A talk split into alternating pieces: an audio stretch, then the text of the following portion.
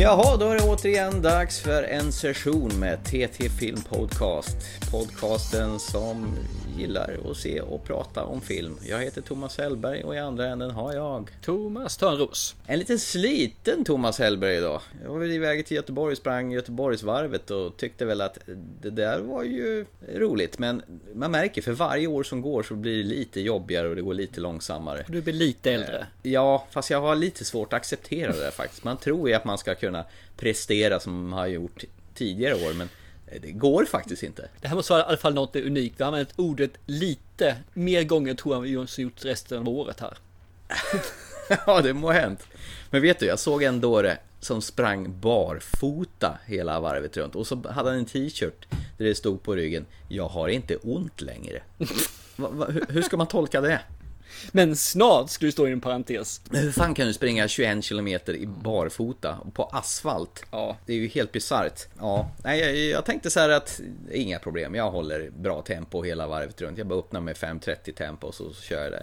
Sen någonstans 8-9 km, då vek jag ner mig och tänkte fan ska jag bryta? Nej. Släppte av på takten och så körde jag bekvämlighetstempo hela vägen in i mål. Så att, inte den bästa tid, men jag tog mig runt återigen. Ja, fast det är ändå 2,1 mil. Så det är ett imponerande i vilket fall som helst. För oss vanliga dödliga i alla fall. Det. Ja, ja, okej okay då. Mm. Ja, men jag har faktiskt varit inne och eh, bokat till nästa år igen. Så att, eh, ja, det, det, är kul det där. Ja, men det, jag, jag funderar på det. Vi ska ha det som målsättning, men eh, jag vet inte om jag kommer lyckas. Vi ska se. Jag ska ta och lägga upp nu här, sen så kanske jag ska ta mig runt på ett eller annat sätt vid Göteborgsvarvet nästa år. Vi får se. Man måste ju ha sin 40-årskris någon gång, eller 50-årskris snart.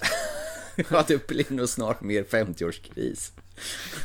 Hörru du, eh, från ena till det andra. Har du fått tummen ur och varit iväg och sett eh, Avengers Endgame ändå? Ja, jag var faktiskt iväg i den i lördags och såg den tillsammans oh. med ett gäng här. Så det, det, var en lång film. Tre timmar och en minut. Kändes, tyckte du den kändes som så lång? Eh, det gjorde den faktiskt. Mm -hmm. Den var jättelång.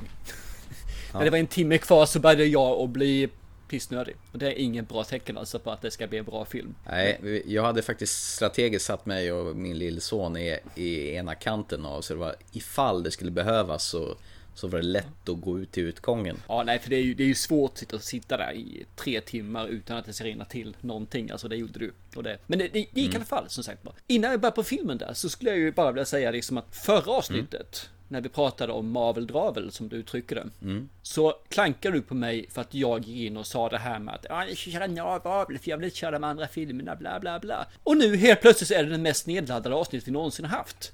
Jag menar, vad va, va säger du om det? Loser! Jag har faktiskt ingenting att säga om det, alltså det är ju helt bisarrt ju. Men å andra sidan så är ju Avengers Endgame eh, en av de mest framgångsrika filmerna i världshistorien på kort tid. Ja, den har slagit Titanic och hela köret ju så att...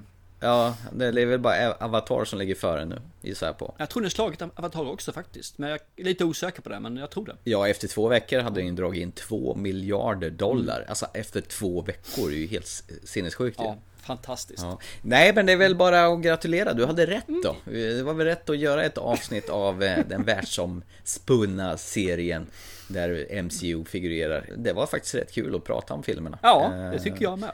Det blev några ja. så här aha-upplevelser faktiskt kände jag, så det var, det var kul. För tusan, vårat program har skjutit i höjden och eh, även eh, antal lyssningar. Så mm. jag, jag, kan säga att så här många lyssnare har vi aldrig någonsin haft som vi har nu. Och det är väl kanske tack vare ah, det här. Det är, du har nog fel där faktiskt. Efter för sommaren alltså? så har vi en toppnotering som är högre. Så att, men det ligger i här rollen där. Vi ligger lite mm. högre innan, men vi ligger det är högt.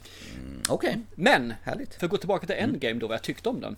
Den här är ju fruktansvärt lugn, den här filmen. I de första, ja, en, en och en halv timmarna. Ungefär, ungefär halva, halva filmen kan man säga är den ju ja. slow pace för att vara en Marvel-film i alla fall. Ja, men den är väl som en uppdelad i tre delar. En lugn period och en eh, mittendel och sen en halabaloo-del. Jajamän. Och det var ju mm. rätt så vad ska man säga, överraskande början på filmen. Visst var det, jag sa ju det. Du kommer ju blåsa av stolen och tänka bara What the fuck? Så det var lite småkul ju, jag måste säga. Eh, sen kan jag säga med en gång, innan vi fortsätter, och det är ju att den här filmen hade man lätt kunnat plocka bort minst 45 minuter på och det hade inte gjort någon skada. Och av dem så är ju i alla fall en 25 minuter är ju bara slutet. Det är för mm. konungs återkomst, here we come again. Mm, jag förvarnar ju dig Ja, det. och det var det verkligen. Eh, sen tyckte jag det var lite sådär, de eh, gjorde ju en intro innan filmen att här skulle egentligen varit en trailer till Spider-Man Home, eller Far From Home. Men Mm. det tar vi efter filmen för att det är så många spoilers i den. Bra tänkte jag, då sticker jag. För det enda gången som jag aldrig suttit kvar när filmen varit slut, det är som jag ser lite grann på eftertexten och sånt, utan jag stack med en gång nu, för nu behövdes det. Va, vad spännande, för den visade de faktiskt före filmen när jag såg De den. har säkert fått kritik för det, kan jag tänka mig. För det är ju en hel del spoilers, för jag tittade på trailern sen när jag kom hem istället.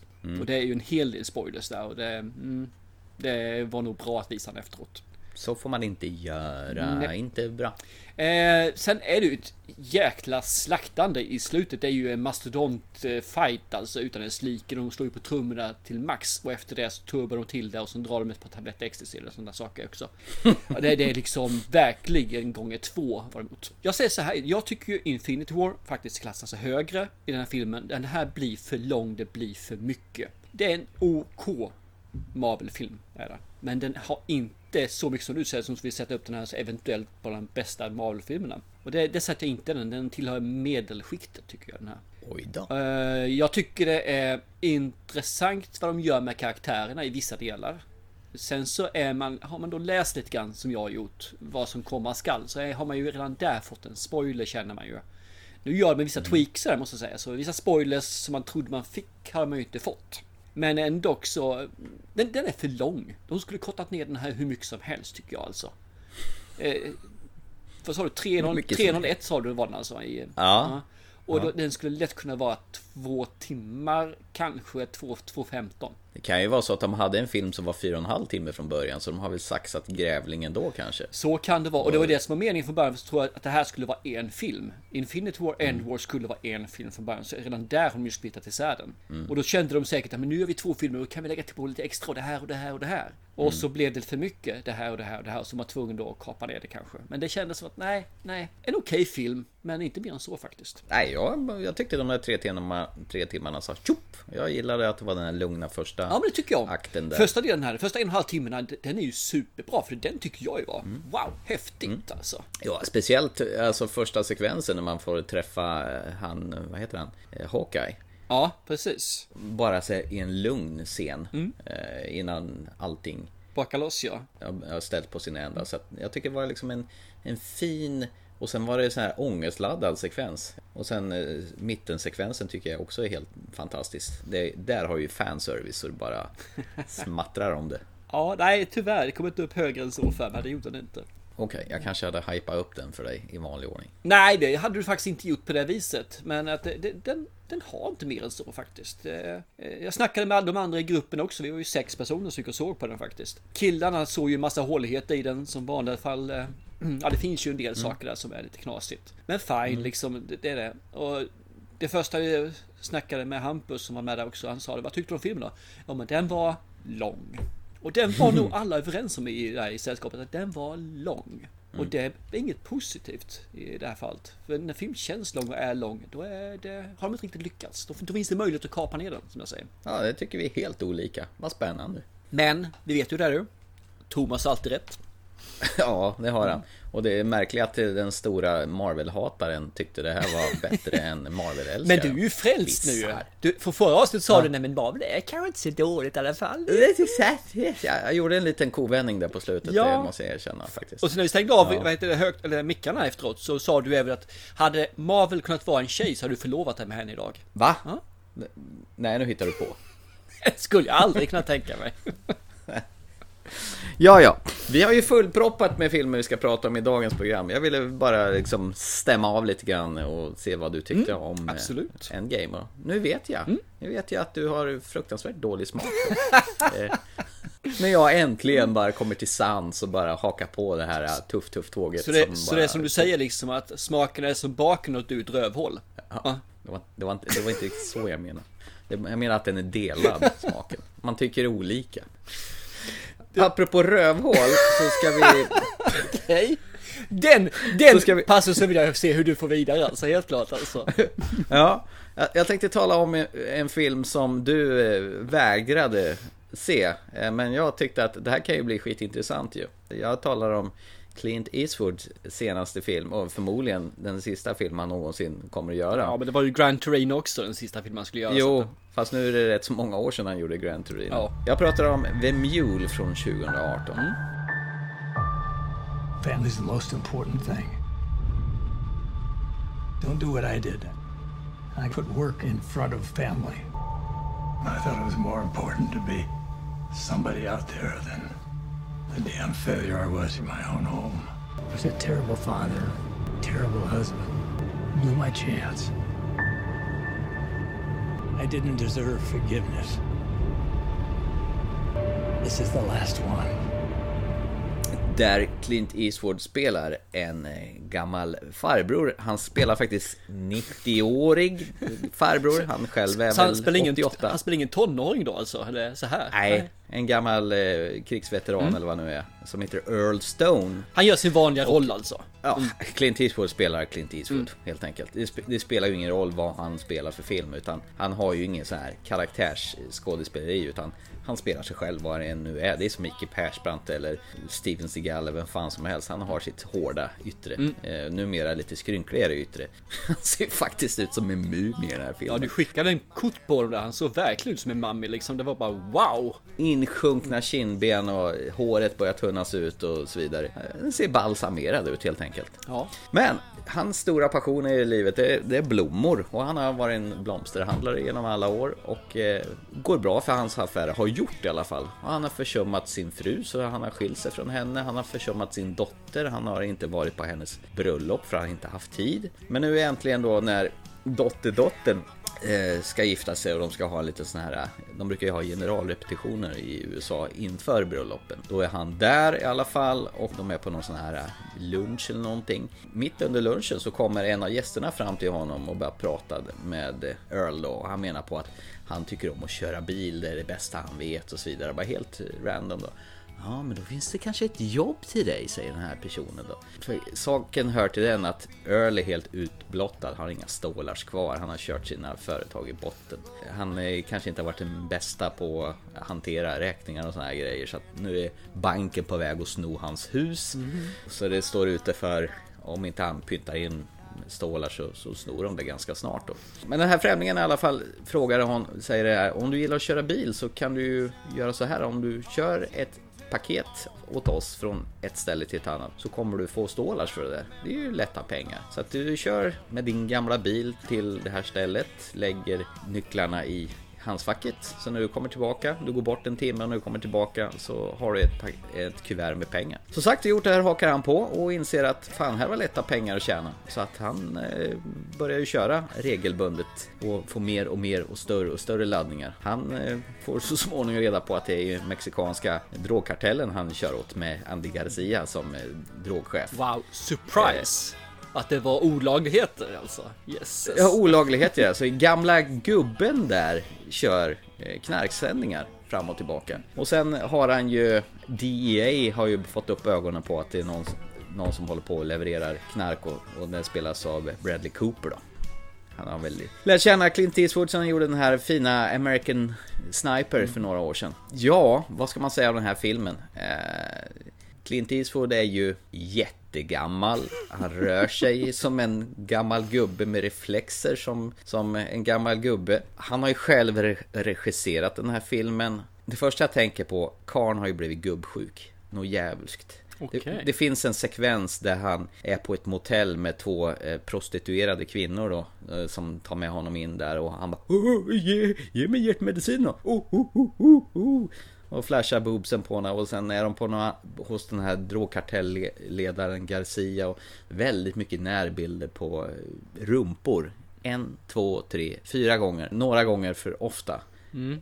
Och sen lyckas han inte riktigt, tycker jag, förmedla de här känslorna med sin exfru. Du får aldrig reda på varför han har det här kyliga förhållandet till sin dotter. Du får aldrig någon riktig bakgrundshistoria. Du vet att han har, för, att han har försummat henne och likadant exfrun. Men du får liksom inget djupare i det hela, utan det bara är. Och hans de här, de här rundorna han åker med han sitter mest i bilen, startar, lämnar, åker in i garage och får nya sändningar det är ganska tråkigt faktiskt. Okay. Och likadant Bradley Cooper som DA-agenten då som håller på. Han pratar mest i telefon och...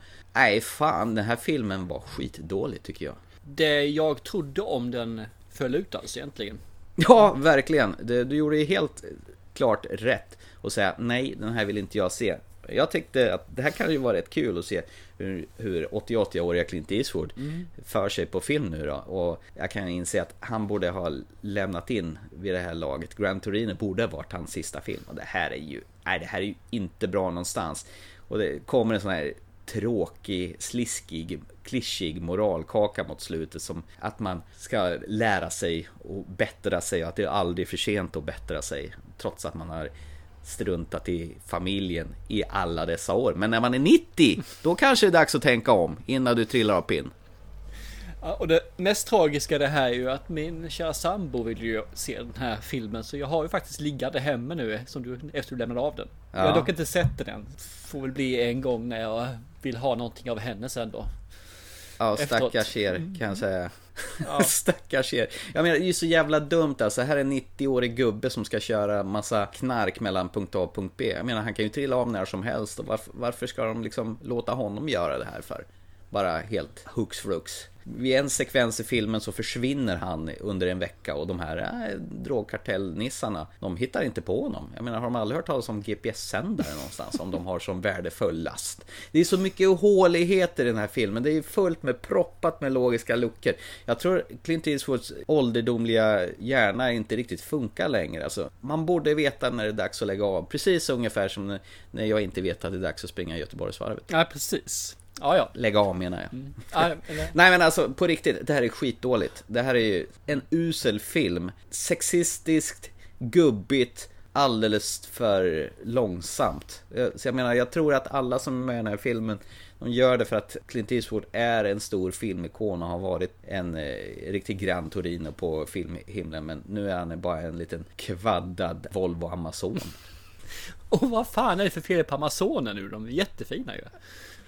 Nej, nej, men jag håller med. Det är Lite synd. Det är just som du säger, vissa saker han, han hänger nog inte med riktigt tekniken heller. Nu vet inte om den här filmen utspelar sig idag eller om den utspelar sig för 30 år sedan. När det kanske inte den här tekniken fanns. Men han hänger nog inte riktigt med i alla fall vad som går att göra och inte göra idag. Ja, de håller ju på att skämta med, för han får ju en mobiltelefon som man ska använda sig av när de här drogkartellerna. Han åker in på ett garage där och får den här väskan och så får han en mobiltelefon. Och så sen när du kommer fram så textar det. Vad, vad, vadå textar? Mm. Det vet han ju inte hur man gör så de är tvungna att lära honom att skicka sms och såna grejer. Så att det, det, ska ju, det ska ju skämtas med att han är gammal också och sådär. Men nej, det, det, är så uselt. Tyvärr, det är fruktansvärt dåligt. Det här är nog fan den sämsta filmen jag sett i år. Okej. Okay. Mm. Ja, ja. ja. Jag vill inte prata mer om det. Nej men då lämnar vi den tycker jag. Vi behöver inte snacka mer om den alls.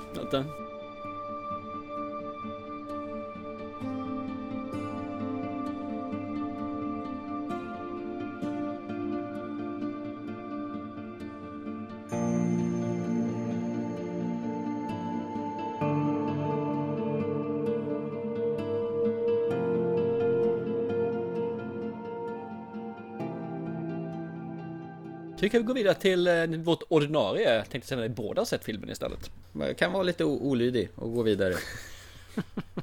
Det låter bra det. Hörru du, eh, en judisk eh, samhälle, ja, ortodox judisk samhälle, det, två gånger Rachel står i centrum. Rachel McAdams och Rachel Wise. Mm, precis. I Disobedience från 2017.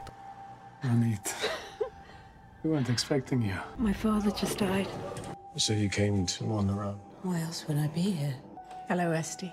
We all have forgiven you, Ronnie. What for, Firma? For everything. We never thought we'd see you again. Sorry to disappoint you. and you're not married. It's important that this week is conducted with honor. It's the most important thing. Honor? Tell me the truth.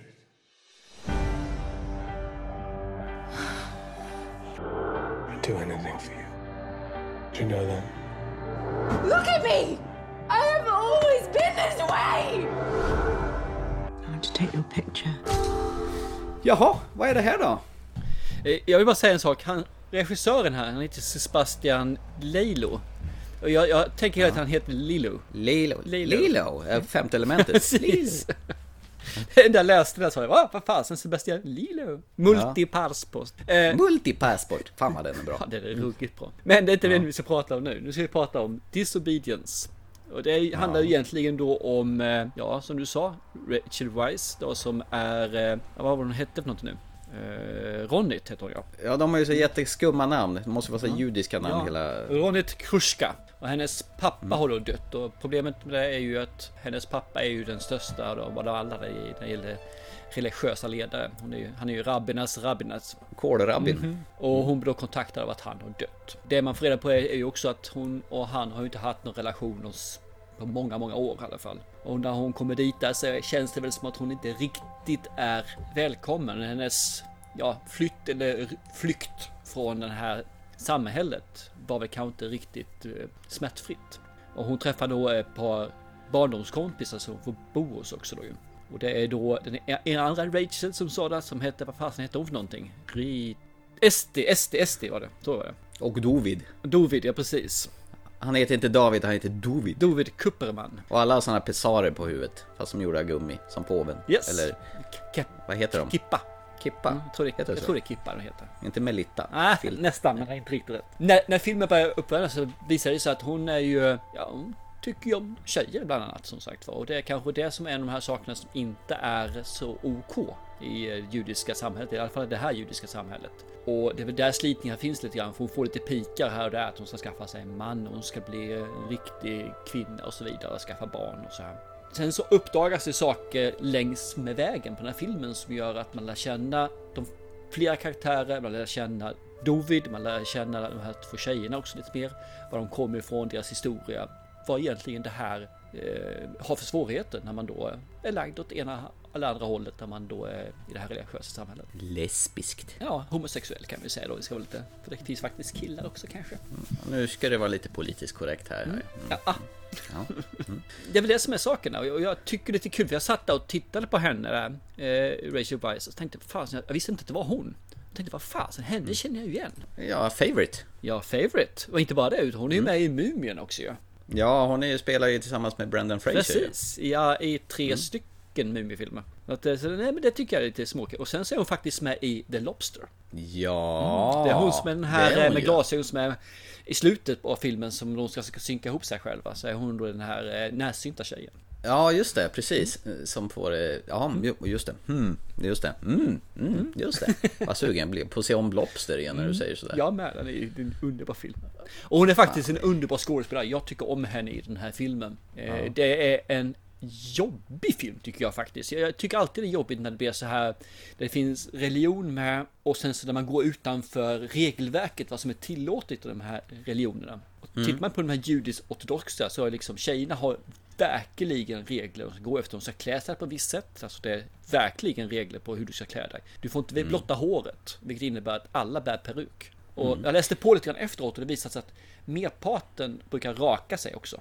För det är lättare att ta på sig peruken då liksom och ha den som att ha den. Eh, Ja, just det. Jag fattade aldrig det där med perukerna, vad det var för deal med det. För de springer ju runt med peruk hela tiden. Mm. Alla har peruker som sagt var. Och det är det man har. Aha. Så fick läsa på som sagt var vad det innebär. Och tittar man sen på även på den här judiska hur kvinnan ska bete sig så ska hon i stort sett vara osynlig. Hon ska inte göra något väsen. Hon ska inte stå ut. Utan hon ska vara i bakgrunden. Mannen är den som är samhällets stöttepelare och den som tar beslut och egentligen ska synas. Och så förväntas hon bli påsatt varje fredag. Ja, precis.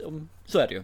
Att, eh, Oavsett om hon är sugen eller ej. Hon ska bara vara tillgänglig. Ja, man kan väl eh, välja det som sagt var. Man kan neka. Men det är ju inte rätt. Ja, och det, och det fick liksom, när jag läste på de där så fick ju filmen lite mer djupare. För de har verkligen, eh, reglerna finns där och de här antydningarna till vad man får och inte får göra och vem som ska göra vad och inte göra vad. Finns ju med i hela filmen. Och jag tycker de har fångat det på ett bättre sätt än vad jag förstod när jag såg filmen. Ja, det var mycket gubbar med skägg som eh, bestämmer mycket. Mm. Absolut. Tjejerna fick sitta på läktaren och inte vara nere i själva den religiösa ceremonin. Och här, här känner man ju att här kan man ju inte göra någonting utan någon vet om vad, vad som för sig går. Och det är ju det också Eh. återigen som ingår i det här det är ett, mer eller mindre ett angiveri alltså. Folk berättar om saker och ting. Det var som en som hade gått ur den här sekten, en verklig händelse.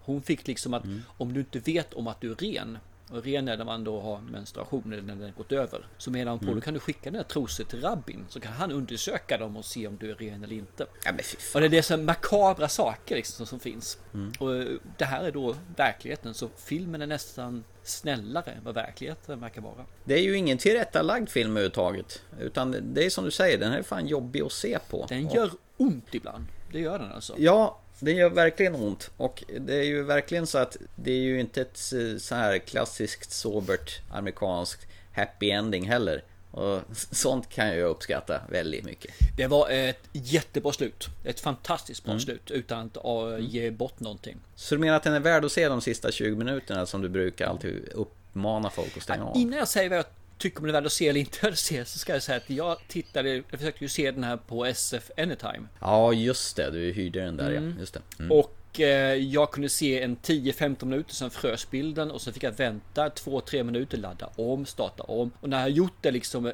några gånger, ibland så gick det inte ens där, så, ja, så sa jag bara nu skiter vi i det. Så jag tog kontakt med SF Anytime och sa att jag har inte kunnat se den här filmen, jag vill ha tillbaka mina pengar. Och dagen efter så fick jag faktiskt tillbaka mina pengar. Så vad en, att det inte fungerade för SF Anytime så var att säga att de ger dem kredit till att de verkligen var snabba med att säga ja men då debiterar, eller krediterar vi tillbaka pengarna. Men vad skumt. Jag såg ju den här uh, iOrigin på SF Anytime och den flöt ju Ja, på men det var den, det var den helgen. De hade problem den helgen enbart. Aha, Så att det var, det var åtgärdat sen efteråt. Men som Ah, tur är ja. så finns ju den här på fler ställen. Så jag hyrde den på via Googles sida istället. Ah, okej. Där finns den ju också. Det, där fungerar det bättre. Men, Ja men snacka om att bli kastad ur illusionen hela tiden. Ja. och Man får ständigt får stänga av. Det där är ju vidrigt ju. Yes, som, som du säger, hela tiden utkastad illusionen och sen så irritationen också. Så att, att fan, men det här fungerar ju inte. Och så testar man igen och igen och efter tredje gången säger man att det här funkar inte. Då förstör man ju på filmen. Då blir man ju sur på filmen i sig. så många gånger som jag fick höra den här jävla introtrumpeterna som är i början av filmen. Du-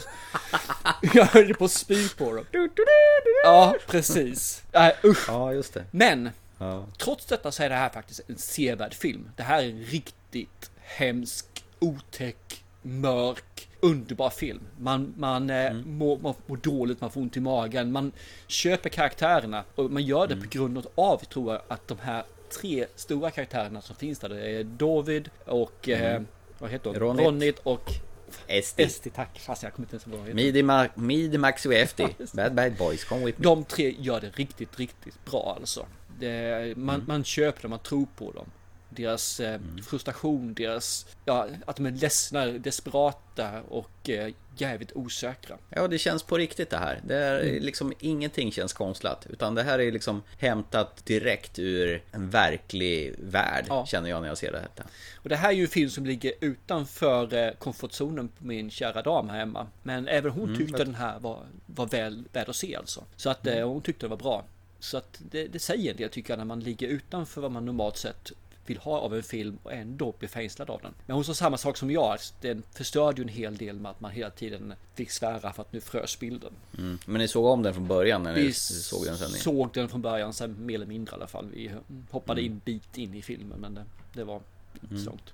Men det, det är Ja. värt att se och jag tycker den är helt klart värd pengarna också. Den, den, den har någonting att berätta den här filmen som eh, går rakt ner i hjärtat hos mig. Ja, den har en jävla nerv och intensitet Mm. så att man är ju på helspänn och bryr sig om hur det ska gå för alla de här karaktärerna. Det är ju liksom egentligen ingen av dem som är... Det finns ju inget svart eller vitt här utan det är mycket gråzoner. Det svänger väldigt mycket tycker jag när man ser de här. Vem man tycker om, vem man inte tycker om och så. Som hela filmen har kommit i mål, då... Det var en omtumlande resa. Ja, det var det. Sen får jag säga en sak. Det finns en sexscen i filmen som är helt... Eh, nog är nog bättre sexscen jag sett på en film. Man ser ingenting, det är inget naket direkt.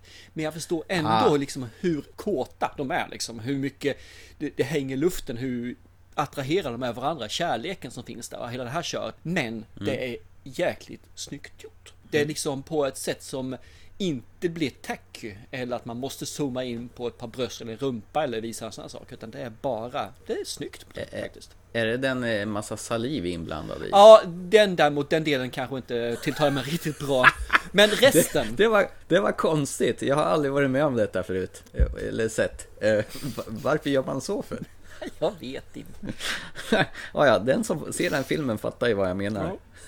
Men- vi kan ju spara till den. Ja, det Så tycker kanske någon blir ny, eh, också en morot av att se den. Nej men det behöver inte vara för den skull. Utan det här är ju bara en stark rekommendation.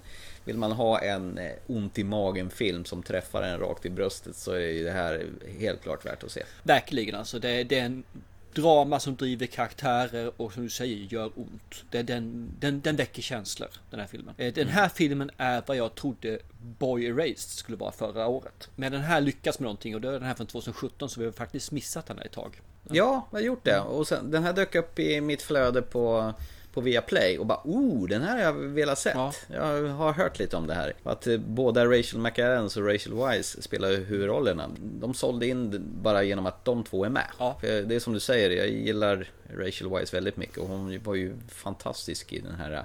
Åh, nu tappar jag det! The Favourite. Mm. Som vi såg i början av året. Grym skådis. Hon har varit med i grymma filmer och nej, det är bara att ta av sig hatten om jag nu hade någon att, att hylla. Det är ju kanon det här. Ja det är det. Det här är riktigt bra. Det, här är, det, det är en sån här film som man drar sig från att se för den känns jobbig att se. Men när man väl sätter på den så är den fångande. Verkligen alltså. Man går rakt Och det är, väl, det är väl lite det film handlar om, att det ska beröra, skaka om lite grann. Det finns ju inget tråkigare än bara att sitta helt likgiltig och se någonting hända framför men du känner ingenting. Det här är ju, det här är ju filmskapande. Så ser den. Alla som klarar av sån här typ av film så att säga, för alla gör inte det och heder, ingen, ingen skugga över dem. Men tycker du om den här typen av film så är det här verkligen någonting du inte ska missa. Och har du missat den så ta med en gång och skaffa hem den på ett eller annat sätt. Antingen via skiva eller på en streamingtjänst.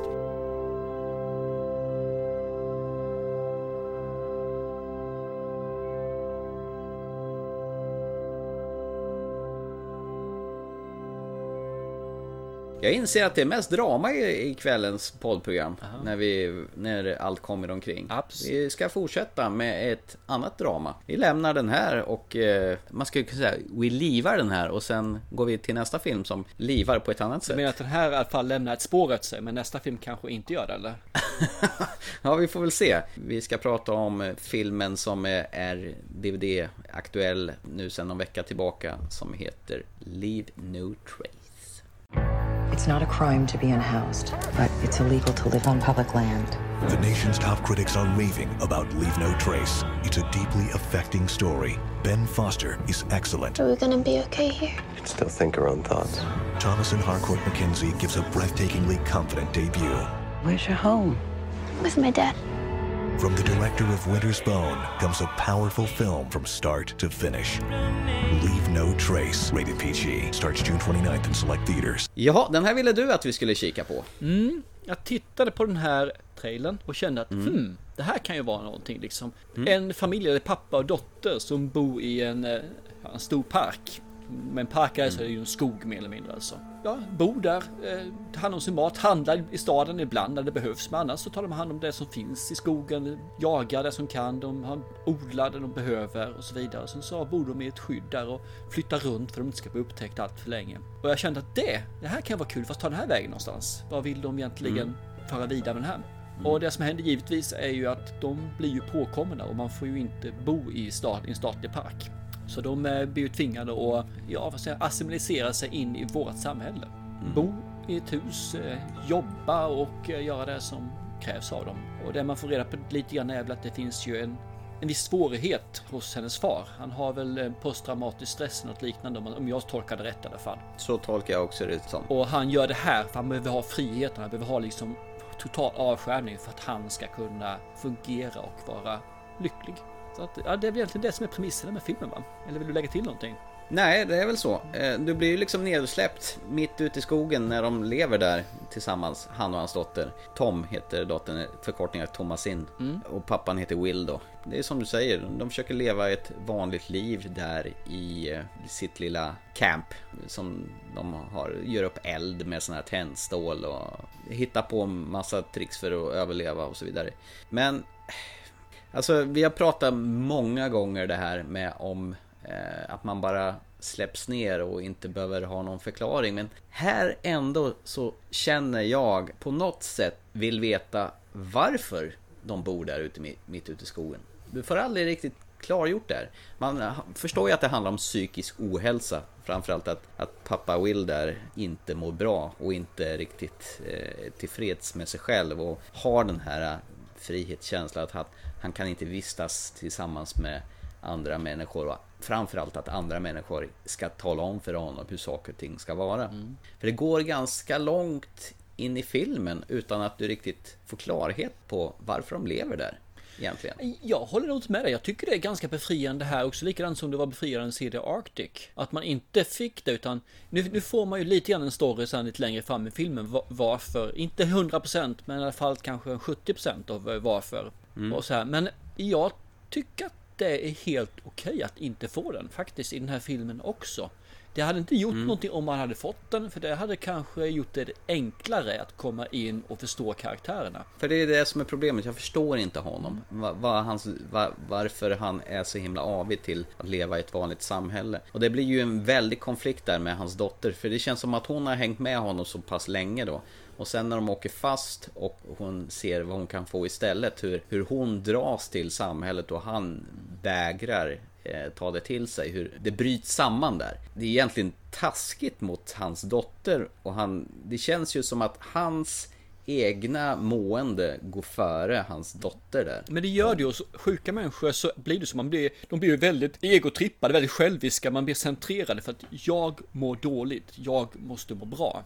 Och jag mår bra när jag är så här. Hon är en slags medberoende till honom då som har hängt med honom av en ren vana för hon kanske inte har vetat något annat. Nej, precis. Hon har inte visst vad det finns för saker där ute. När hon väl får se det, som du säger, i ett senare skede så inser hon ju hur mycket hon kommer att sakna det, hur mycket hon har saknat det och hur mycket hon behöver det. Du får ju aldrig reda på hur länge har, hur de har varit ute. Har hon alltid varit där ute? De pratar ju om någon mamma som, som har dött. Mm. Hur länge har hon varit där? En månad, ett år, flera år? Jag har ingen aning faktiskt. Mycket frågetecken som lämnas där, men det kanske är det som är meningen. Ja. Att du ska bilda en egen uppfattning. Du får fundera ut själv hur länge de har varit där kanske. Jag tror det jag tror det är helt okej för, för mig också faktiskt att man kan fylla i där. För det är ingen dokumentär. Och, är, och spelar någon roll för filmen hur länge de har bott där ute. Du ser ju på deras sätt att hantera vardagen. Att de har bott mm. helt länge för att de ska ha de här vardagssysslorna går i ett. De har liksom behöver inte säga att jag gör det här, du det här, utan de gör sakerna spontant. Och de har bott där ett tag, de hållit på med det ett tag. Så att jag, mm. jag tycker det räcker om det är ett halvår eller två år? Spelar det en roll egentligen? Däremot blir jag irriterad på honom på något vis. Alltså jag, med tanke på hans ego-race där mm. och hur, vad han vill. Hans karaktär är inte så lätt att gilla tycker jag. Nej, faktiskt. han är en egocentrisk figur, egotrippad. Han utnyttjar sin dotter i viss mån också tycker jag liksom för att få som han vill. Han är mm. inte likable någonstans. Det är han inte. Nej. Men det sagt så är de ju faktiskt två riktigt härliga skådespelare. Både Ben Foster och Thomas Mackenzie som spelar hans dotter. De har ju en för jävla fin kemi. Det har de. Absolut, det tycker jag. Det enda kan vara, bli lite det är när de ska bråka och det blir aldrig något riktigt bråk av det. Utan det blir liksom lite sådär... Nj, nj, nj.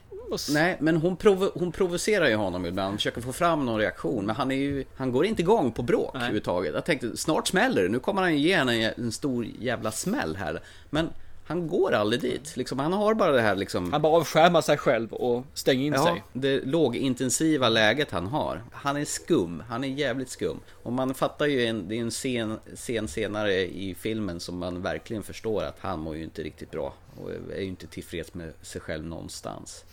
Eh, bakgrunden, jag saknar bakgrunden. Okej, okay. nej inte lika mycket. Jag tycker att filmen i mitten står och stampar lite vatten utan att jag kan sätta ett finger på det. Jag vet inte vad det är, men det är någonstans där jag känner att det, den stannar upp för mycket. Det får liksom ingen fart. Det blir en, en mm. båt utan segel. Men eh, sen tycker jag den tar fart igen efter det det är en ganska lågmäld film. Och det man kan säga som en liten kuriosa är att det första han och regissören gjorde när då Ben Foster gick in och signade upp, det var att de tog bort ungefär 40% av all dialog i filmen. Oj, shit. Så de har fått ner det för att det skulle vara lite mer eh, verklighetsbaserat, realistiskt. Man pratar mm. inte så mycket i verkliga livet, utan då blir man tyst, man gör det man ska göra liksom. Och pratar man bara för att pratandets skull. Så ja men det är ju säkert rätt, för att det känns ju som att när de är där ute i skogen och eh, får dagarna gå. Det är nog lite mer så det skulle ske än som du säger, bara sitta och kommunicera hela tiden. Ja, till sist har man ju inte att säga. Utan då blev det ju Nej. bara. Så att jag tror att det, det förde filmen uppåt ett par snäpp hos mig det alltså. Vad tyckte du om filmen i sin helhet då? Om du skulle, istället för att ta det, det här och det här, om du skulle göra ett stort paket av det? Det här är ju återigen ett eh, drama som gör ont i magen faktiskt, fast på ett annat sätt. Just det här att han har det psykiska övertaget över sin dotter. Han går sin väg, vad han vill göra och hon måste, han bara förväntar sig att hon ska hänga på. Det här eh, känns som filmen vi pratade om tidigare, en, en verklighet som skulle kunna ske, kanske säkert har skett också. Med tanke på att grundpelarna handlar om psykisk ohälsa. Jag tycker den var bra också. Eh, också ont i magen av att se på den här. Hela vägen in i mål, ont i magen. Nådde inte riktigt in i hjärtat på samma sätt som, eh, vad heter det, Disobedience gjorde för mig. Vet inte varför. Det, det är nog lite grann eh, hur han beter sig och att, hur hon bara viker ner sig. Men det är klart att har man haft den här relationen hela tiden så kanske det fungerar. Men jag känner att vilken tonårsdotter skulle inte föra ut mot pappa när man upplever att man kan få någonting så mycket bättre. Ja, Och göra den här eh, tonårsrevolten Ja. i samma sväng. Precis, hon var väldigt vuxen allt i sitt sätt att föra en dialog med honom. Hon var mer vuxen än vad många vuxna människor är. Och det kändes lite orealistiskt. Samtidigt så kanske hon på något sätt tvingas att bli vuxen Ja. för tidigt. Med tanke på att de är i den miljö de är. Ja, och han är som han är. Kanske. Nästan att hon, att hon får vara morsa åt honom ibland. Ja. Nej men det är en bra film. Jag, jag, är inte missnöjd av den alls alltså. Det är jag inte. Jag tycker den levererade den skulle göra. Det är bara att jag blev inte överraskad. Att den, den var inte bättre än jag trodde den skulle vara. Om vi säger så då. Nej, nej, det kan jag hålla med om. Och det är som du säger, halvvägs i filmen så står den och stampar lite grann. Och då undrar man, vad, ska det ta vägen någonstans? Speciellt är att jag trodde, i början så, de är ju ute i skogen en stund och sen blir de ju påkomna ganska fort i filmen och sen de kastas in i samhället. Det gick så fort så jag tänkte att Jaha, jag hade inte riktigt förväntat mig att den skulle gå åt det hållet. Jag tror att det är lite grann regissörens eh, oerfarenhet i det här fallet. Det hon har gjort tidigare är ju de senaste, innan här 2015 och 2014, är två stycken dokumentärer. En tv-seriedokumentär och en dokumentär. Där tror jag det är lättare att man blir eh, stillastående. För ursäkta, nu håller min eh, kära sambo på att fula så här. Ja. Eh, Så att, och jag kan tänka mig att där det kanske stillastående och trampa utan att det är något konstigt dokumentär. Och då för hon över det i den här filmen också. Hade hon haft kanske några filmer till under bältet så kanske hon hade kunnat få lite mer progress. Ja, men eh, för den skull så är det ingen dålig film. Så att eh, återigen så är det ju verkligen så här pappa, dotter, daddy issues film som ändå sätter sina spår, tycker jag. Ja, absolut. Den, den är värd att se. Det är den.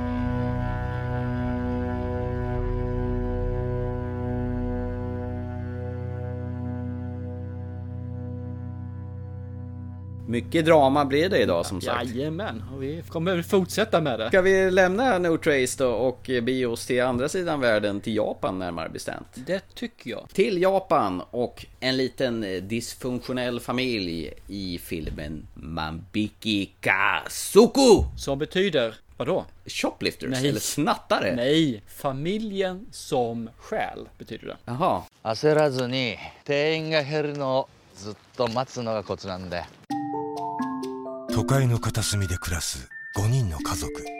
彼らの家業は犯罪でした。どうしたの？コロッケ食べる？捨てた人っていうのは他にいるんじゃないですか？次々と明かされていく。家族の秘密。これは内緒だぞ。俺たちは家族だ。万引き家族 om du direkt ordagrant så är Shoplifters en, en amerikansk översättning. Trodde du kunde lite japanska, men nej då, inte det. Arigato, mushi mushi. Det, det är allt jag kan. Okej, good enough. Director, regissören Hirokazu Koreda. Han har ju skildrat en eh, familj som lever i en, man kan säga, det är inte ens en medelklass utan är fattig. Ja, de lever i utkanterna av eh, samhället kan vi säga va? Nyttjar systemet, de stjäl, de gör allting som krävs egentligen för att överleva Men de är inte jätteglada för att jobba egentligen. Jo men det är de, de jobbar gärna också men de har svårt att få jobb. Så är det, i alla fall ett eh, fast jobb För det verkar som det är svårt att få i det här samhället De lever inknölade hos eh, en farmor då. Ja precis. Och, eh, Det är väl tre barn, mamma, pappa och en farmor. Och eh, en dag på vägen hem när de har gjort sin räd i en affär då och ja, snattat. Det de behöver. De glömde dock schampot. Ja, schampot är ju viktigt som fan. Så ser de en eh, liten flicka som har gått förbi några gånger. Som har suttit på en balkong och gjort det flera kvällar i rad. Och då går han ju fram och säger liksom att fryser du? Och det gör hon ju. Är du hungrig? Ja det är hon ju också då ju. Så att vill du följa med in och värma dig? Så då tar hon ju med sig den här tjejen hem. För att eh, ja, egentligen ge henne mat och se att hon blir varm. Och sen så bära tillbaka henne sen på kvällen. Men det är ju så illa att när de kommer dit så hör de ju att de här föräldrarna bråka. Att de inte vill ha det här barnet. Kommer fram att hon kanske inte har haft det riktigt bra där på många olika sätt. Och så de bär tillbaka och tänker men hon vill ju vara här. Så att eh, det är inte mer med det. Sen så efter ett tag kommer det ju fram givetvis att den här barnet är efterlyst. För där, och då börjar de känna ups men nu är det kidnappning här. Nej, det kan inte vara kidnappning. Hon begär ju ingen lösensumma och hon vill ju vara här av fri vilja så det är ingen kidnappning. Nej. Så de tar ju till sig det här lilla barnet då, Yuki, eller Linn kallar man henne sen är det ju. Linn får hon heta Får- sen, hon heter Yuri egentligen. Precis, hon får ett nytt namn där ju. Och sen får man följa den här familjen och de är, ja egentligen alla familjer från den här hustrun som då är något tvätteriaktigt. Eh, han har väl gått till något bygge och så har vi en som håller på med något konstigt eh, prostitutionsjobb som inte är något prostitutionsjobb egentligen på något vis. Det är väldigt oskyldigt i alla fall. Hon Klär sig i skoluniform och och visar, står bakom en ja, glasrut. och visar trosorna lite grann, det är väl det hon gör. Och då den här Linn och eh, Shohil, vad heter han för någonting? Brorsan då som blir den li- Mm. lilla, lilla sonen. Hur de följer tjo- Shota. Shota, Shota, okej. Det är deras liv egentligen. Eh, I det dagliga. Det är egentligen vardagen vi får en inblick i det i- hos dem under den här tiden då. Där, från att de får ta med sig Linn in i familjen och framåt. Det äts väldigt mycket i den här filmen. Det äts fruktansvärt mycket i den här filmen, det gör det. Absolut. Och det sörplas. Man inser att japanare måste ju älska blötlagda nudlar fruktansvärt mycket. Och såna här Kalla, varma friterade. och friterade saker, ja precis. Det är liksom det som står på menyn. Och så dricker de mycket läsk också. Till allt. Och hon mormor, jävlar vad hon sörplar och mumlar när hon äter. Och äter apelsin med skal på. Ja, usch ja. Eh, jaha, vad ska man säga om den här filmen egentligen mer? Den, den är jättesvår att prata om alltså, jättesvår. Ja, den är skitsvår att prata om faktiskt. Det är en riktigt långsam film. Ja, och den är över två timmar lång också. Verkligen. Och det är ju inte riktigt vad man tror att det är egentligen. Fakta är att jag listade ut eh, ganska snart. Gjorde du det? Ja, det gjorde jag. Ja, jag, Okej, jag ja. fick ihop det ganska tidigt i filmen faktiskt. Okej, var, var du så, så smart? Ja, eller, eller hade tur. Det kan jag ju ta Ja. det man vill där. Men eh, det finns ju twister och det finns ju lite frågetecken i filmen som rättas ut allt lite sånt som man kanske inte tänkte på i vanliga fall. Men jag lyckades Nej. tyvärr. Eh, Man ska definitivt inte se trailern till den här filmen, för jag tittade på trailern efter jag hade sett den. Jag och den med. visar ju princip... Precis. Ja, och den vis, visar ju för fan i princip hela filmen i kronologisk ordning, till och med slutscenerna. Vilket egentligen inte spelar någon roll i den här filmen. För det är nedslagen Ja. tror jag som är de stora sakerna. I alla fall enligt japanernas sätt att se på det. Fast jag, jag känner ändå så att det är ytterligare en, Jag får vatten på min kvarn att man ska inte se trailer för, för det liksom förstör upplevelsen. Nej, för det intressanta är ju att det är ju till och med slutscenen är med i trailern. Ja, Så har ni sett trailern nu och inte sett filmen, så sorry för där spoilar jag för dig och det brukar jag inte göra här. Men se inte trailern på den här filmen. Gör inte det. Nej, det, det är ett stort, stort varningstecken. Men det här tycker jag också känns äkta på något vis. Och de har ju sån jäkla skön stämning där hemma i det här jävla kyffet de bor i. Allt från eh, den gamla farmorn och till eh, han, pappa, mamma och barnen så att säga. Och deras eh, rituella räder i affären om skärd och så vidare. Och så när de tar in den här unga flickan Linn. Och det handlar ju mycket om att alla ska dra sitt strå till stacken. Utan det är ju liksom inte, det är mycket pengar och vad man drar in och att man kan vara till nytta som, som står på agendan här. Mer än att initialt så känner man liksom, vad fan, de, de hänger ju bara ihop för att eh, överleva här. Men i grund och botten så finns ju en, en värme som sipprar igenom ändå, tycker jag.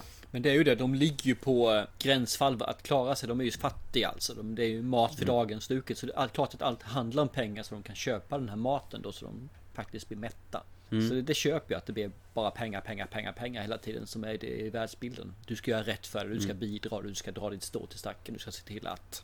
Och sen är det ju verkligen där att man har svårt att säga pappa i, i vissa lägen. Och sonen accepterar inte och när, när hon kommer in där och pappa vill att det här är din lilla syster. Mm. Nej, det tycker jag inte. Och så ska man- hon läras man- upp också i snatterikonstnärheten om man säger så. Och det märks ju att det är en japansk film för det, det är helt andra värderingar och andra seder och annat sätt att leva eh, än vad man är van i västvärlden faktiskt.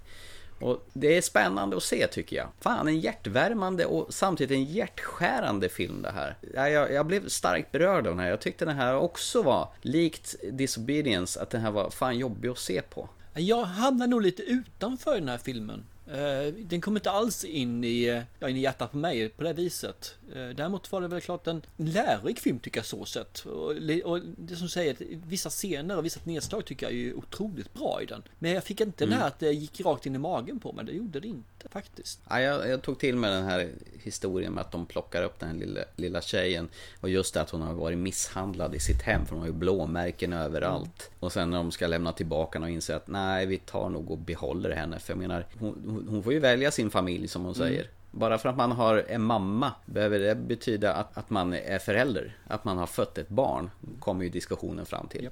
Så att de har ju rätt så intressanta synpunkter på vad en familj är Mm. egentligen. Om det är liksom en biologisk familj eller om det bara är en familj som är tillsammans. Yes. Nej, jag, jag tycker det här var en fantastisk film. Och slutet är ju också, eh, jag gillar det också. För att det är också inte så här amerikanskt tillrättalagt utan det är inte alltid det blir riktigt hundra även man, när man kommer in i mål. Och det här är en sån film som, som belyser det att livet kanske inte är så jävla rättvist som det borde vara alla gånger. Nej, det håller jag med om. Det, slutet är faktiskt riktigt bra. Där. Alltså det, Mm. De, de lyckades få till det där. Sen så är det vissa saker som gör att filmtekniskt gör att jag blir lite vrång för den här filmen. Och det är i vissa scener. Det finns en scen till exempel när han utgår med Linn.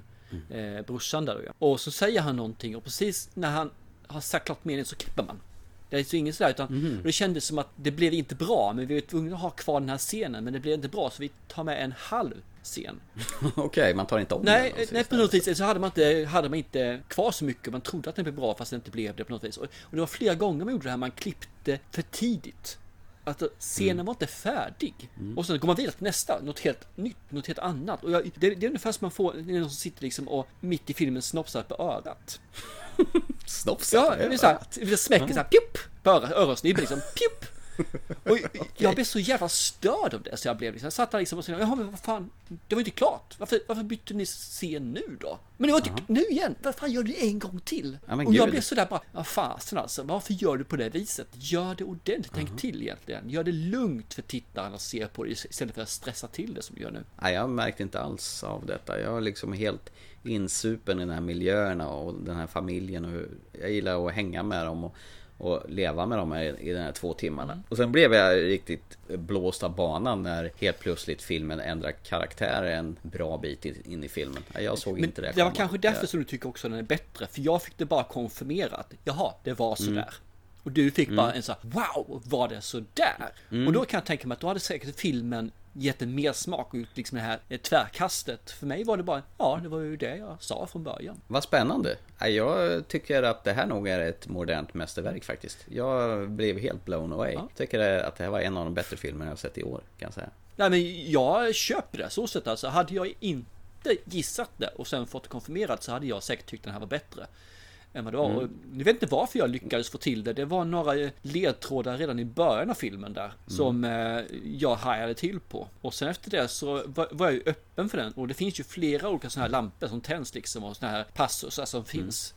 Och så fick jag mer och mer vatten på kvarnen där liksom. Sen tycker jag att samtidigt var jätteskönt att se en icke-amerikansk film för en gångs skull Ja, faktiskt. men det är var det. rätt befriande. Mm, det håller jag med om. Jag brukar vara lite neggo till asiatiska filmer. För man förstår ju inte ett smack Ja. och de pratar ganska fort. Ja. Och då är det ganska bra att inte ha det för ofta om man säger så. För oftast är japanska eller asiatiska filmer ganska vackra. Dock inte den här. Nej, den här är ju smutsig och Ja, skitig. den här är gritty. Och Riktigt gritty. De, de lever ju i, fan i en slum om man säger så. Det de, de ligger Eh. ju på varandra mer eller mindre när de ska sova. Ja, då var väl den här Handmaiden som vi såg för några år sedan var väl mycket vackrare film. Ja. När de ska försöka solovåra den här kvin- kvinnan då. Precis. Svår film att prata om. Så, så att eh, jag, jag har inget mer att säga. Tycker den är värd att se? Kan du tipsa folk att se den här?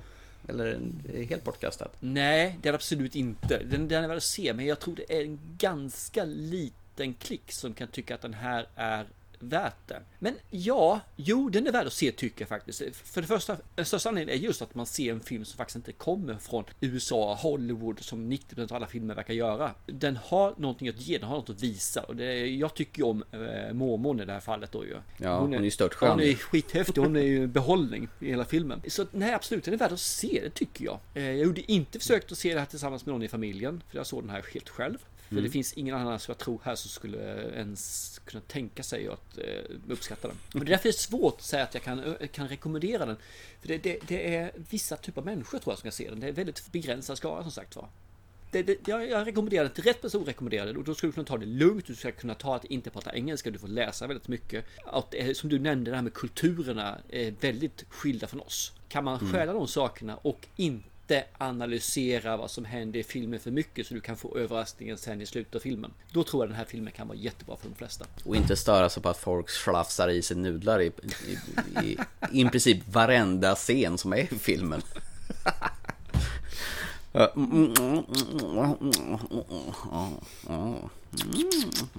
Nej men kör! Jag tycker det. Se den, absolut. Ge den en chans. Eh, tycker du inte om den den första halvtimmen, ja, men då vet du nog att då tycker du säkert inte om den sen heller. Och jag säger att det här är en briljant film som eh, platsar faktiskt på mina absoluta bästa jag har sett i år. Vi får se hur det står sig till resten av året. Ja, precis. Mums säger jag, det här är filmmagi, det här är magiskt. Jag var helt inne i, jag, var, jag fan var på plats i Japan och kände att jag var där, närvarande. Hjärtskärande, hjärtvärmande, umsom. Fantastisk film. Mums Filibaba. Kul! Jätteskoj att höra Mm. faktiskt, eh, att du föll så hårt för en film, för det är väldigt sällan man gör det. Det är ju fint att vi började med skräp och avslutade med toppen. I alla fall tyckte jag så. Ja. これは内緒だぞ俺たちは家族だ万引き家族 Fast vi är inte riktigt slut än. Vi, snaran ska ju dras åt lite grann på grund av att du har ju satt ditt filmuppdrag på hold i några veckor på grund av att vi skulle prata om Marvel som blev en supersuccé. Kan du gnugga in det ytterligare? Jajamän! Men nu är det dags för att du ska få redovisa ditt uppdrag av Alfred Hitchcocks Rope från 1948. I do want to. I just think we ought to wait till after you graduate. I don't. It's only a month. Janet, a month. Please. Sorry. I personally consider us engaged as of now. Congratulations. David, no. Look, you can say yes in a taxi. I have a 2.30 appointment I'm and you're... staying right here. Oh, afraid you'll say yes? I'll see you tonight at Brandon's party. Okay. You can say yes, sir, just as well as in a taxi. Goodbye, darling. That's the last time she ever saw him alive. And that's the last time you'll ever see him alive. What happened to David Kentley changed my life completely and the lives of seven others. Janet Walker, Henry Kentley, the boy's father, his aunt, Mrs. Atwater, his best friend, Kenneth Lawrence, a housekeeper named Mrs. Wilson, and the two who were responsible for everything. Brandon Shaw and Philip Morgan. Eh, det man kan säga först med den här egentligen repet är ju att det är Alfred Hitchcocks första färgfilm. Och det, det är bara det är ju en sak. Man kan också säga att nästa sak, den här bannades i, vet inte hur många, men i rätt så många delstater i USA. Oj Man fick inte visa den, för det fanns, eh, finns ju ett eh, homosexuella anspelningar på eh, de här mördarna, om vi säger så då. Ja, det pratas om det i dokumentären att, att det var ett gaypar. Ja. Och det. var meningen också faktiskt från början. Mm. Han som skrev den här kom sen ut och var faktiskt homosexuell. Så att det, det fanns säkert Mm. en, en mening med det som sagt. Ska man säga handlingen? Två stycken män har då mördat en bekant, ströpit honom och sen gömmer... Med ett rep. Ja, med ett rep. Därav titeln. Efter det då gömt han i en kista i vardagsrummet. Men inte bara det, de vill ju visa upp att det här är verkligen, i alla fall en av dem vill ju då visa upp att det här är det bästa mordet som begåtts. Så de har ju bjudit in besökare till en middag och en bokvisning av någon konstig anledning. Ja. Och inte för inte utan det är givetvis är det ju pappan till den här som är dödad som är inbjuden. De har bjudit in hans eh, blivande fru till den här bjudningen. Och de bjuder in den blivande fruns före detta pojkvän. Och givetvis den mest intelligenta personen som de känner för att visa upp att det här är så jäkla bra gjort så att det inte finns något annat. Där har de bjudningen och så ska de komma undan med det här. Det är väl egentligen det som är premisserna. Hitch- Hitchcocks eh, household name James Stewart är förstås med här också. och spelar den här intelligenta professorn då. Yes. Det man kan säga om de här två karaktärerna egentligen, det är ju att de ena är ju det känns som en är yngre än den andra, men jag tror de ska vara jämnåriga faktiskt. Men den ena är ju den här som verkligen är stusk och vill då liksom skryta. Han vill alltid utmana så mycket det går. Men den andra är väl lite grann så här second thoughts. Har vi verkligen gjort rätt? Känns inte riktigt bra. Jag är lite nervös. Tänk om de vis, eller kommer på oss. Mm. Och det är ju kanske inte det världens bästa kombo i det här fallet. Och den ena stressas av den andra och den andra bryr sig inte om den, den andra man säger så då. Nej, han tycker han är så jävla briljant. Ja, precis. Han är ju den intelligentaste personen som finns. Varför för mig det så det gick rykten om den här filmen att den är inspelad i ett svep. Ja, den vill jag... Det, jag tror de har bytt mellan, alltså kamerarullarna. Mm. De räcker tror jag, tror jag 10-15 minuter Yes. någonting sånt där. Precis. Det Och- var, det var det max man kunde spela in på en filmrulle. Ja, det stämmer. Mellan varje kamerabyte så är det en lång tagning. Mm. Och det, det syns ju. Så att de fick ju fuska genom att göra närbilder på någons eh, mage eller någonting och sen zooma in och ut så. För att eh, Mm. Precis. för, nej, vid, vid själva bytet av filmen. Så att för övrigt så är den filmad i en enda lång tagning, ja. Det är lite småkul så sätt alltså, det är det ju. Och givetvis, som i alla Hitchcock-filmer så finns Hitchcock med. Eh, två gånger till på köpet. En gång i början så är det en man som går över en gata och sen finns det vid en reklamskylt man ser en silhuett på honom också lite snabbt. Alltså att han- Ja, just det. Jag såg honom Det dock stämmer, inte, för jag tittade inte ens efter det. Nej, jag, jag letade, men jag, jag missade faktiskt båda sekvenserna. Men jag kollade i bakom filmen då. Ja. Och fick höra att han gick på gatan och just det att det var den skylten då. Som, som siluetten som han använder i den här tv-serien. Alfred Hitch- Hitchcock Presents. Det man kan säga annars är ju att den här filmen är från 1948 och det märks ju verkligen i dialogen, i hur, sätt, Mm. hur folk för sig och hela köret alltså. Sen är ju Hitchcock, han är ju ett, han var ju ett geni, men ska man inte säga något annat, han eh, var ju verkligen år före sin tid. Så att den här filmen är ju ganska så modern i alla fall i sitt, eh, i sitt, ja, sitt sätt att vara inspelad. Men jag retar ju mig grävling på de här båda två mördarna. Vad fasen alltså. För det första ska de göra det mitt på dagen och sen ska de göra det här och sen ska de göra det här. De har ju inte tänkt till ett helsike och sen så bjuder de in till att folk ska förstå vad som har hänt. De håller på med ordlekar och lär köra sådana saker. Mm. Tänkte du på, han har en diskussion med James Stewarts karaktär då. Att eh, är man så pass överklass som de är. Då har man ju nästan tillåtelse att ta någons liv. Då sitter de ju på ner helt hypotetiskt att man kan ta ihjäl någon. Då fick jag så här, fan undrar om det här har man fått idén till The Purge egentligen. För det är ju egentligen lite samma sak, där de diskuterar det. Ja, fast det här har ju redan skett innan. Under Hitlers tid så satt ju några professorer, läkare, välutbildade personer och sa samma sak om judarna. Så det här är ju Mm. ingenting som är jätte, jättenytt. Utan det här skedde ju i Nej. verkligheten. Då ju. 1930 någonting. Det finns en sekvens som jag gillar jättemycket. Ut. Kameran är still och filmar på det här, den här kistan då, eller som de har dukat upp en massa mat på. Och, och sen är det på väg att en, hon som är där och, vad ska man säga, husan där och plocka där en massa grejer så att de är nästan på väg Mm. att bli avslöjade där. Men kameran står still där och du får bara egentligen höra i bakgrunden vad som händer Mm. där. Alltså, jag tycker det var ett jävligt smart... Och sen ser man hon, tanten går och flyttar de här böckerna fram och tillbaka. Det, det är ett smart sätt att göra spänning på fast du hålls lite utanför händelserna. Ja, men det håller jag med. Jag har inte sett det greppet tidigare faktiskt. Och inte efter heller faktiskt. Nej, så han har ju jävligt så här smarta, alltså visuella idéer som, som han har löst Mm. i den här filmen. Nej men jag håller med, han, han, han var år före sin tid alltså, det är inte mer med det. Och jag tycker att sånt skulle kunna fungera idag med. Varför inte? Att Mm. sker saker och ting utanför, man fokuserar på någonting och så hör man en dialog från sidan. Det, det skulle fungera idag med tycker jag alltså. Mm. Eh, men jag tycker om han, det gör jag alltså. Filmen som sådan dock är gammal. Och jag skulle nog aldrig rekommendera den här till någon. Den är för gammal, för svår, för egen för att den ska gå hem tror jag. Och sen så är den väldigt, väldigt, väldigt, väldigt långsam och väldigt dialogdriven. Eh, själv så njöt jag ganska mycket av den här filmen faktiskt. Den var svår att få tag i ska jag ta det för det första. Men att... eh, Ja, det kan jag tänka mig. Men att jag njöt av den, det gjorde jag faktiskt. Jag tyckte den eh, föll väldigt väl in. Det är ing- ingen som har sett en hundra film för mig. Men den var godkänd plus. Mm. Och eh, bättre än vad jag förväntade mig det skulle vara faktiskt. För jag har inte sett den tidigare ju som sagt. Nej, jag hade inte gjort det heller tills för någon, någon månad sedan och jag är förvånad att den här har liksom bara passerat.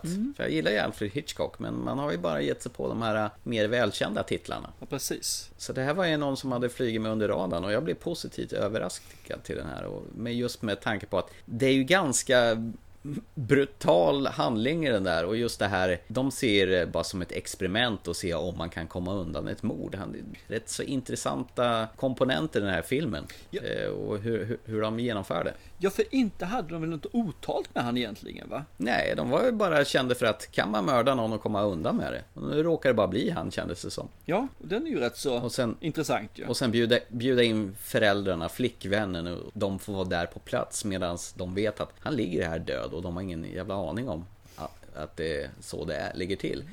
De ser det ju bara som ett socialt experiment det här. Och egentligen den här tesen att är du över, så långt över i hierarkin så kan du göra vad du vill. För de tycker att de gör rätt. De har rättighet att göra detta. Svin. Svin ja. Nej men jag tyckte att det var dags att fylla en lucka i filmhistorien för dig här. Ja. Och jag hoppas att, att du njöt lite av det. Jo men det gjorde jag, så sett alltså. Men som jag säger, jag skulle ha svårt att rekommendera den till någon. Den är för gammal för det. Jag tror du måste tycka om film på ett speciellt sätt. Lite Mm. dumt, makabert, eh, hemskt Så, sätt. så där perverst Mm, sätt som, som grann, du och jag gör. Lite grann så tror jag, tyvärr. Ja men gott då. Jag är nöjd att du gillar det här. För jag var lite... Nej fan, jag trodde nog att du skulle gilla det här. Just för att det är en rätt så makaber, bisarr film det här egentligen. Den är jättebisarr. Och jättekonstig. Mm. Men den, den, den funkar, det gör den alltså. Tillbaka kaka säger jag då. Mm. Tillbaka kaka, tillbaka kaka. Då ska du Back få en film som är baserad på en novell av en person som kommer från, ja, han levde i staden Prag. I en av böckerna han gjort så blev han en skalbagge och flög iväg. Eh, Kafka? Mhm. Du ska få en film som är baserad på en Kafka-novell. Ja men gud. Den är från 1962. Svartvit. Svartvitt. Eh, låt mig gissa. Mm. Är det processen med Anthony Perkins? Jajamän. Fan vad fränt! Den här har jag sett när jag kanske var 9, 10. Ah, du har sett den redan? Nej men du, hallå, det räknas ju inte. Det är ju så sjukt många år sedan. Jag har bara vissa fragment av, av den här. Så att jag, jag, jag ser gärna om den i vuxen ålder. För att när jag såg den, då var jag absolut för ung för att se den här. Ja men det är bra, då, Jag, då får du den fall. jag, jag tar den, mer än gärna. Jag tar den. Du brukar ju skämta om det här med förvandlingen och processen. Ska det vara kokt eller brygg? Va? Ja, Kafka. Ja, men jag tar den som den är. Nej, ska det vara kokt eller brygg? Jag tror jag kokt eller bryggt tror jag. Jaha, så det ska bli Kafka-kalas? Fan vad dåligt. det var ju Nöjesmassakern har ju någon sketch med det där. Med Sven Melander och. Det ju skit. Givetvis. Jag tar den! Jag vill ha eh, svartvit Tony Perkins, han inte är Norman Bates. Det är ju fantastiskt. Låter bra det. The Trial, eller Ja. Processen, som det heter på svenska. Det enda jag kommer ihåg är att han blir anklagad för någonting och han får inte reda på varför han blir anklagad. Och de, de vägrar tala om för honom vad är han är anklagad för. Mm, för det ska han ju veta. Ja. Nej, det här blir nice. Det här blir mumma. Det här är... Uh, jag, är jag är supertaggad. Det låter skitkul. Med tanke på att du alltid med i de här gamla ashålen till film så får jag ju åtminstone ge tillbaka. För du verkar ju vara väldigt förtjust i dem. Ja, det är ju mysigt med gamla filmer. Det är lite, lite lugnare berättartempo på sådana än vad det är idag. verkligen. Om det inte är olydnad och Leave No Trace och Som Shoplifters. även och... fungerar det. Men för att summera summarum, det har ju varit mycket drama i dagens program, eller kvällens program. Olydnad, Leave No Trace, Shoplifters och sen den här parentesen med Mule. Oh. Fast det var ju ett drama på sätt och vis det också. Fast ett jävligt slarvigt, hafsigt genomfört. Ja, men han var ju drama. tvungen att göra klart det innan han dog såklart. Han var ju, ligger ju på nålsnöret nu kan jag tänka mig. Men i stora hela så tycker jag vi har prickat in ett gäng bra filmer som jag pratat Ja, om. i alla fall om man vill ha de här lite lugnare, dialogdrivna dramer eh, som är lite tyngre än det vanliga lättsmälta Marvel. Ja, det var ett jävla kontrast från förra avsnittet. Mhm, helt klart. Det är väl dags att runda av för kvällen Det då, tycker jag. på. Absolut, jag känner mig riktigt färdig. Jag ska ju se var tusan jag ska få tag i den här svartvita filmen från 61 eller när det var. Men eh, det ska gå, nog gå bra på någon av streamingtjänsterna känns Ja, för jag har faktiskt inte kollat upp var den finns någonstans, så jag vet inte om den går att få tag på. Så, och skulle det vara så så kan du ju få en ny nästa avsnitt, så får du lite dispens. Annars kan man ju söka på CD-ON och Discop och sånt. Ja. Det kan ju finnas där också. Det, det borde finnas, det tycker jag. Ja, som vanligt. Var finns vi? Det finns överallt. In på iTunes, gå in på Acast, gå på, ja, sök på oss för bövelen på, bara sök filmpodcast eller TT filmpodcast så ligger vi överst där. Då hittar ni vägen fram till oss. Lämna lite omdöme på iTunes eller någon annanstans så når det även fram till våra hjärtan och vi blir jätte, jätte, jätteglada. Mm, och tracka gärna era kompisar och säga att jag sprung över en eh, filmpodcast eh, när jag lyssnade på Marvel, eh, från Marvel with Love och jävla mycket andra fiffiga program de har. Ni borde också lyssna. Gör det! Och sen tvinga dem att prenumerera också och lämna omdömen och grejer. Vi, alltså vi jublar, vi slår frivolter. Vi blir lyckliga. Absolut. Och till nästa gång då så se en bra film för det tänker jag göra. Absolut. Chip chip. Hej då!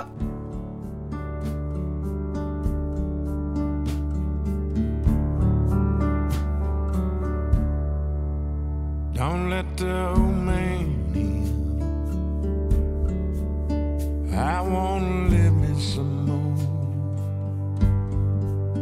Can't leave it up to him.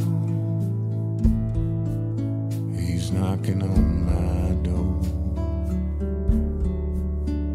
And I knew all of my life that someday it would end. Get up and go outside.